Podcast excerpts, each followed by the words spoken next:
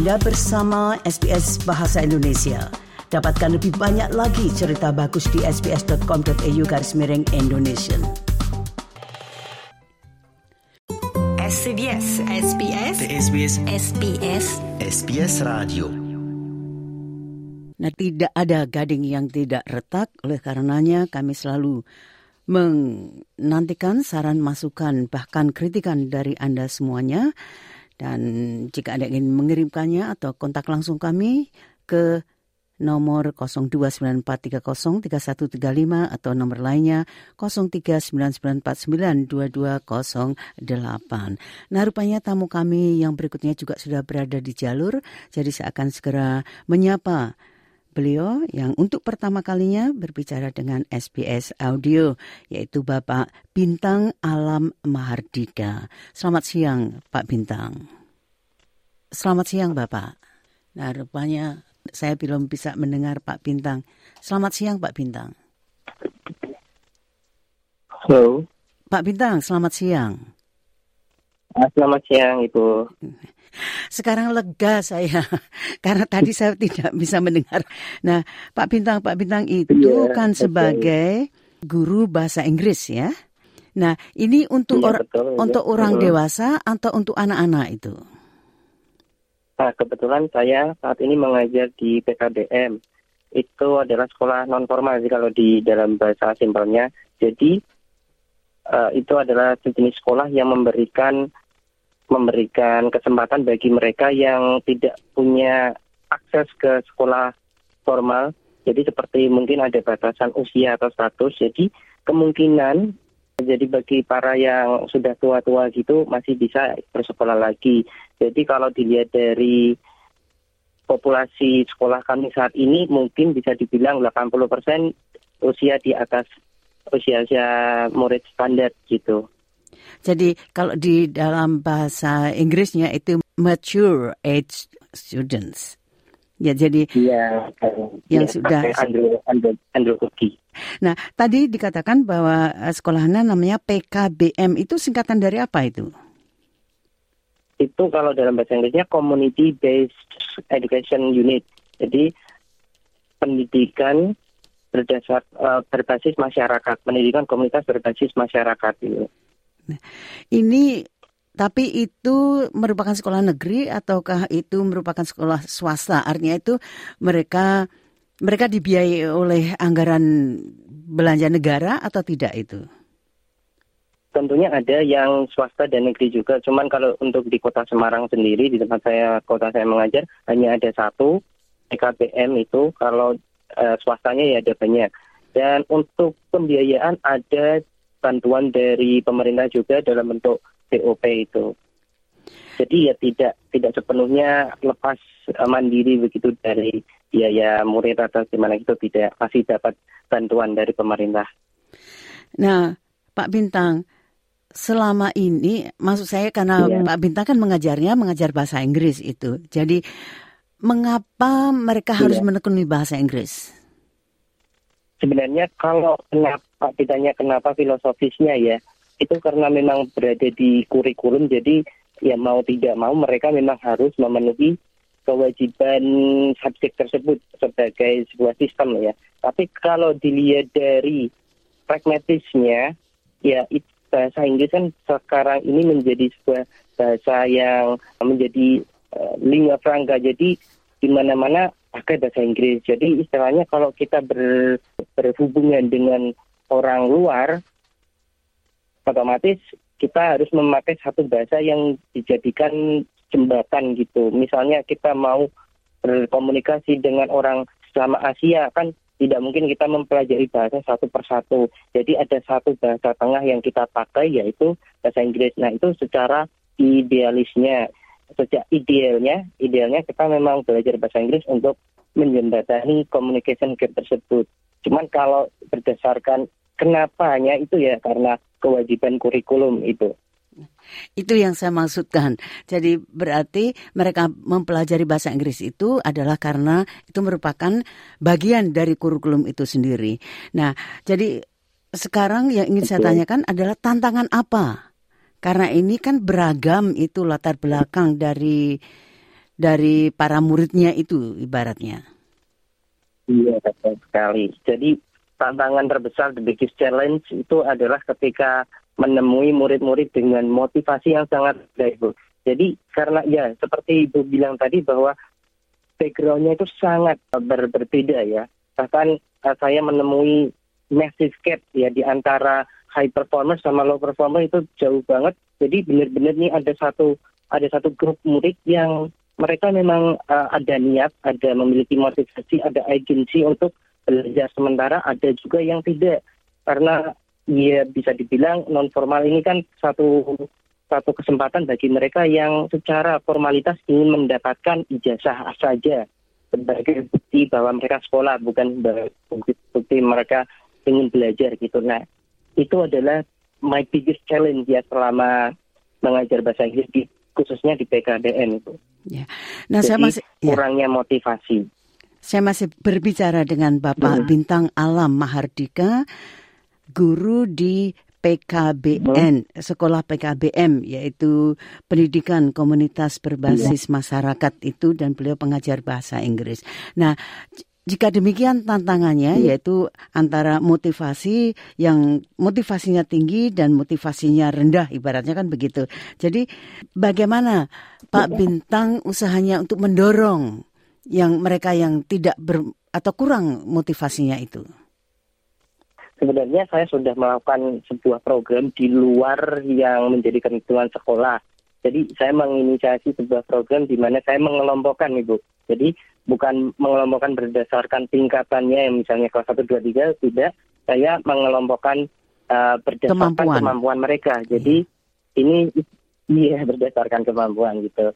Uh, uh, jadi ya memang saya memiliki sedikit waktu sih untuk membuat sebuah program intensif supaya mereka itu bisa belajar dengan lebih efektif dan efisien. Ya. Sementara kalau untuk pembelajaran biasanya ya saya ambil jalan tengah tetap ya jadi tidak terlalu mengambil yang susah maupun tidak terlalu yang rendah. Jadi masing-masing ini tidak saling membebani begitu. Itu memang suatu tindakan yang bagus ya. Berarti murid-murid yang artinya yang motivasinya itu sangat tinggi tidak akan dirugikan dan mudah-mudahan juga mereka Betul, dapat iya, menggeret itu. Masa, uh, iya, menggeret iya, orang-orang. Iya, mau bilang menggeret itu. Atau menarik lah gitu ibaratnya. Nah, Pak Bintang, yeah. satu hal lagi yang ingin saya tanyakan yaitu kalau tidak salah karena Bapak mengajarnya di PKBM itu, nah rupanya Pak Bintang ini juga belum sebagai guru tetap gitu kan ibaratnya ya belum sebagai guru tetap atau dosen tetap atau apa hmm. namanya begitu. Jadi untuk jenjang karirnya sendiri bagaimana itu? Oh, untuk kalau untuk jenjang karirnya saya sendiri secara pribadi memang belum begitu mengetahui secara dalam ibu untuk uh, status kepegawaian di dalam yayasan swasta ya. Kalau di dalam negeri kan ya jelas sudah pasti ada jenjang karir yang jelas. Cuman kalau saat untuk saat ini saya belum begitu memahami untuk jenjang karir atau proses nanti kenaikan pangkat atau seperti itu saya belum mengalami sendiri karena juga saya masih usia saya mengajar di sana masih belum ada tiga tahun ya dua tahun lebih sedikit jadi saya belum tahu dan saya juga belum menemui salah satu teman saya yang naik pangkat atau gimana gitu juga saya belum menyaksikan secara langsung itu. Ya. Maksud saya itu begini loh, kalau orang bekerja itu kan tentunya menginginkan suatu kepastian, itu maksud saya. Jadi walaupun ya. Menaik, mungkin tidak kenaikan pangkat itu dulu, tapi kedudukan itu sendiri itu kan harus pasti, itu maksud saya. Iya, oke. Okay. Jadi apakah selama status ya silakan. Iya, status kepegawaian itu yang saya maksudkan. Status status kepegawaian selama ini yang yang sudah umum berlangsung hanya sebatas itu saja sih. Ya diangkat kemudian ada satu sistem yang jadi basis induk data-data guru yang sudah terdaftar itu mereka guru-guru itu dimasukkan ke dalam dapodik data pokok pendidik. Ya jadi selama guru tersebut tidak melakukan hal-hal yang apa ya di luar uh, peraturan atau tidak melanggar sesuatu hal itu mungkin bisa diakomodir atau mungkin bisa bekerja di situ untuk sebagai kepastian juga bisa itu.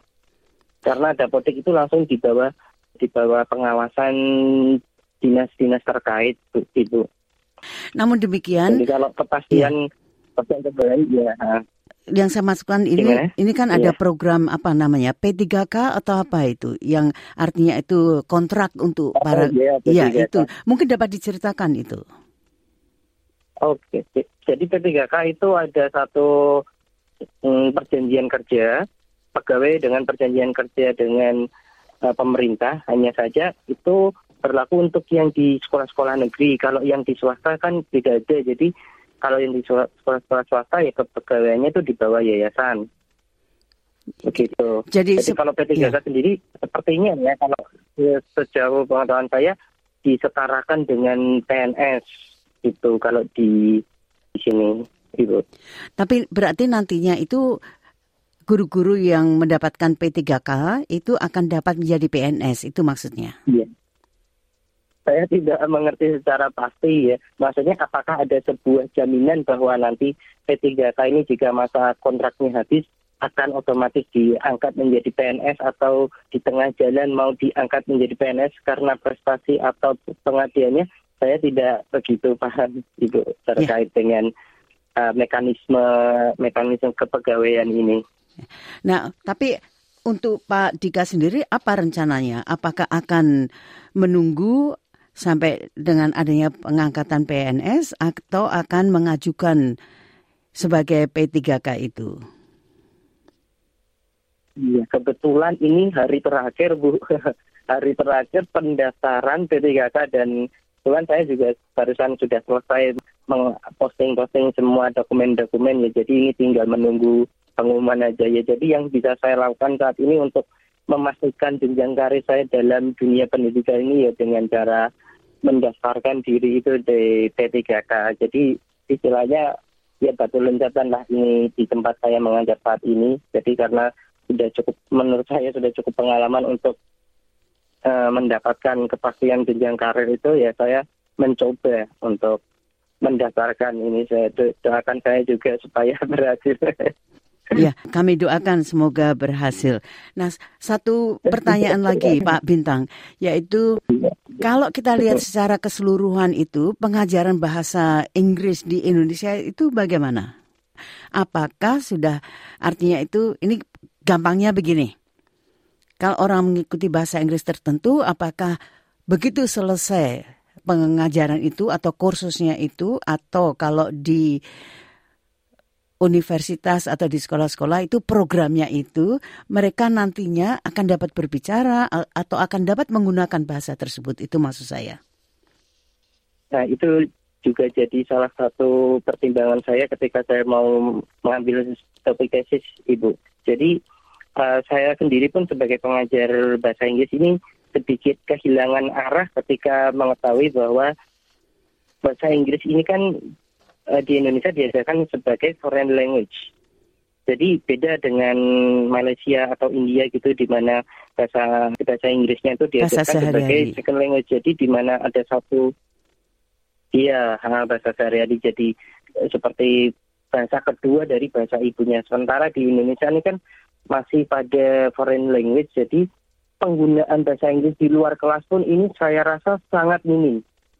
Jadi ya ya udah kesempatan mereka untuk mempraktekkan bahasa Inggris ya satu-satunya hanya di sekolah bersama teman-temannya. Tapi memang yang saya alami saat ini yaitu sangat kurang sekali dan kemauan murid uh, willingness to communicate-nya itu sangat rendah sekali jadi banyak yang ya istilahnya malu-malu ketika bicara susah atau takut salah begitu. Jadi kayak kehilangan arah aja. Jadi kita belajar bahasa Inggris itu sebenarnya mau ngapain sih what next setelah kita mempelajari apa yang harus kita pelajari di dari kelas 1 sampai kelas 3 juga ujung-ujungnya kita nggak pakai juga kan. Nah itu sebenarnya yang jadi jadi Jadi hambatan. pemikiran Ya, saya bahan ya. renungan saya. Mungkin pendekatannya yang harus di di apa namanya harus diubah itu. Artinya tunjukkan kepada mereka misalnya hmm. kalaupun si Anda tidak melanjutkan ke apa universitas misalnya, tapi kalau kemampuan bahasa Inggris itu ada, kemungkinan itu kan sebagai nilai tambah. Jadi kemungkinan untuk mendapatkan pekerjaan pun mungkin ya. akan juga lebih baik. Itu maksud saya. Atau ya bagaimana ya. caranya? Ya. Karena kalau kita terus hanya mengandalkan ya. apa namanya oh ini ulangi ya this is an elephant oh this hmm. is my mother oh ya. begitu itu ya, sama dengan zaman saya itu Iya, ya, betul betul sekali. Ya. Terima Tidak kasih. Ada yang ya. banyak berubah kok itu. Wow. Ya, dari dulu sampai sekarang ya pembelajarannya seperti itu. Ber ya karena memang kita belum menentukan arah ini bahasa Inggris ini mau diakain sih sebenarnya begitu. Sebetulnya sudah jelas ya, itu ada, karena ada ada stigma juga. Iya, iya maksud saya itu gini, sebetulnya sudah jelas karena kita sekarang itu apa namanya komunikasi itu sudah lintas budaya, lintas usia, lintas negara dan sebagainya. Jadi Nah, mungkin di lain kesempatan kita dapat membicarakan lebih lanjut Pak Bintang karena waktu telah menjelang. Jadi sekali lagi terima iya, kasih dan semoga sukses dalam pembelajarannya dan memberikan inspirasi kepada para murid-muridnya itu. Selamat siang.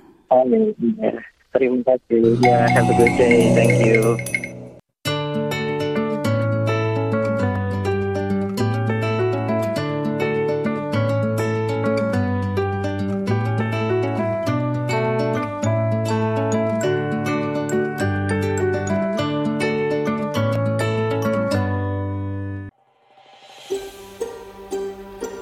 Sukai, berbagi, komentar. Ikuti SBS program Bahasa Indonesia di Facebook.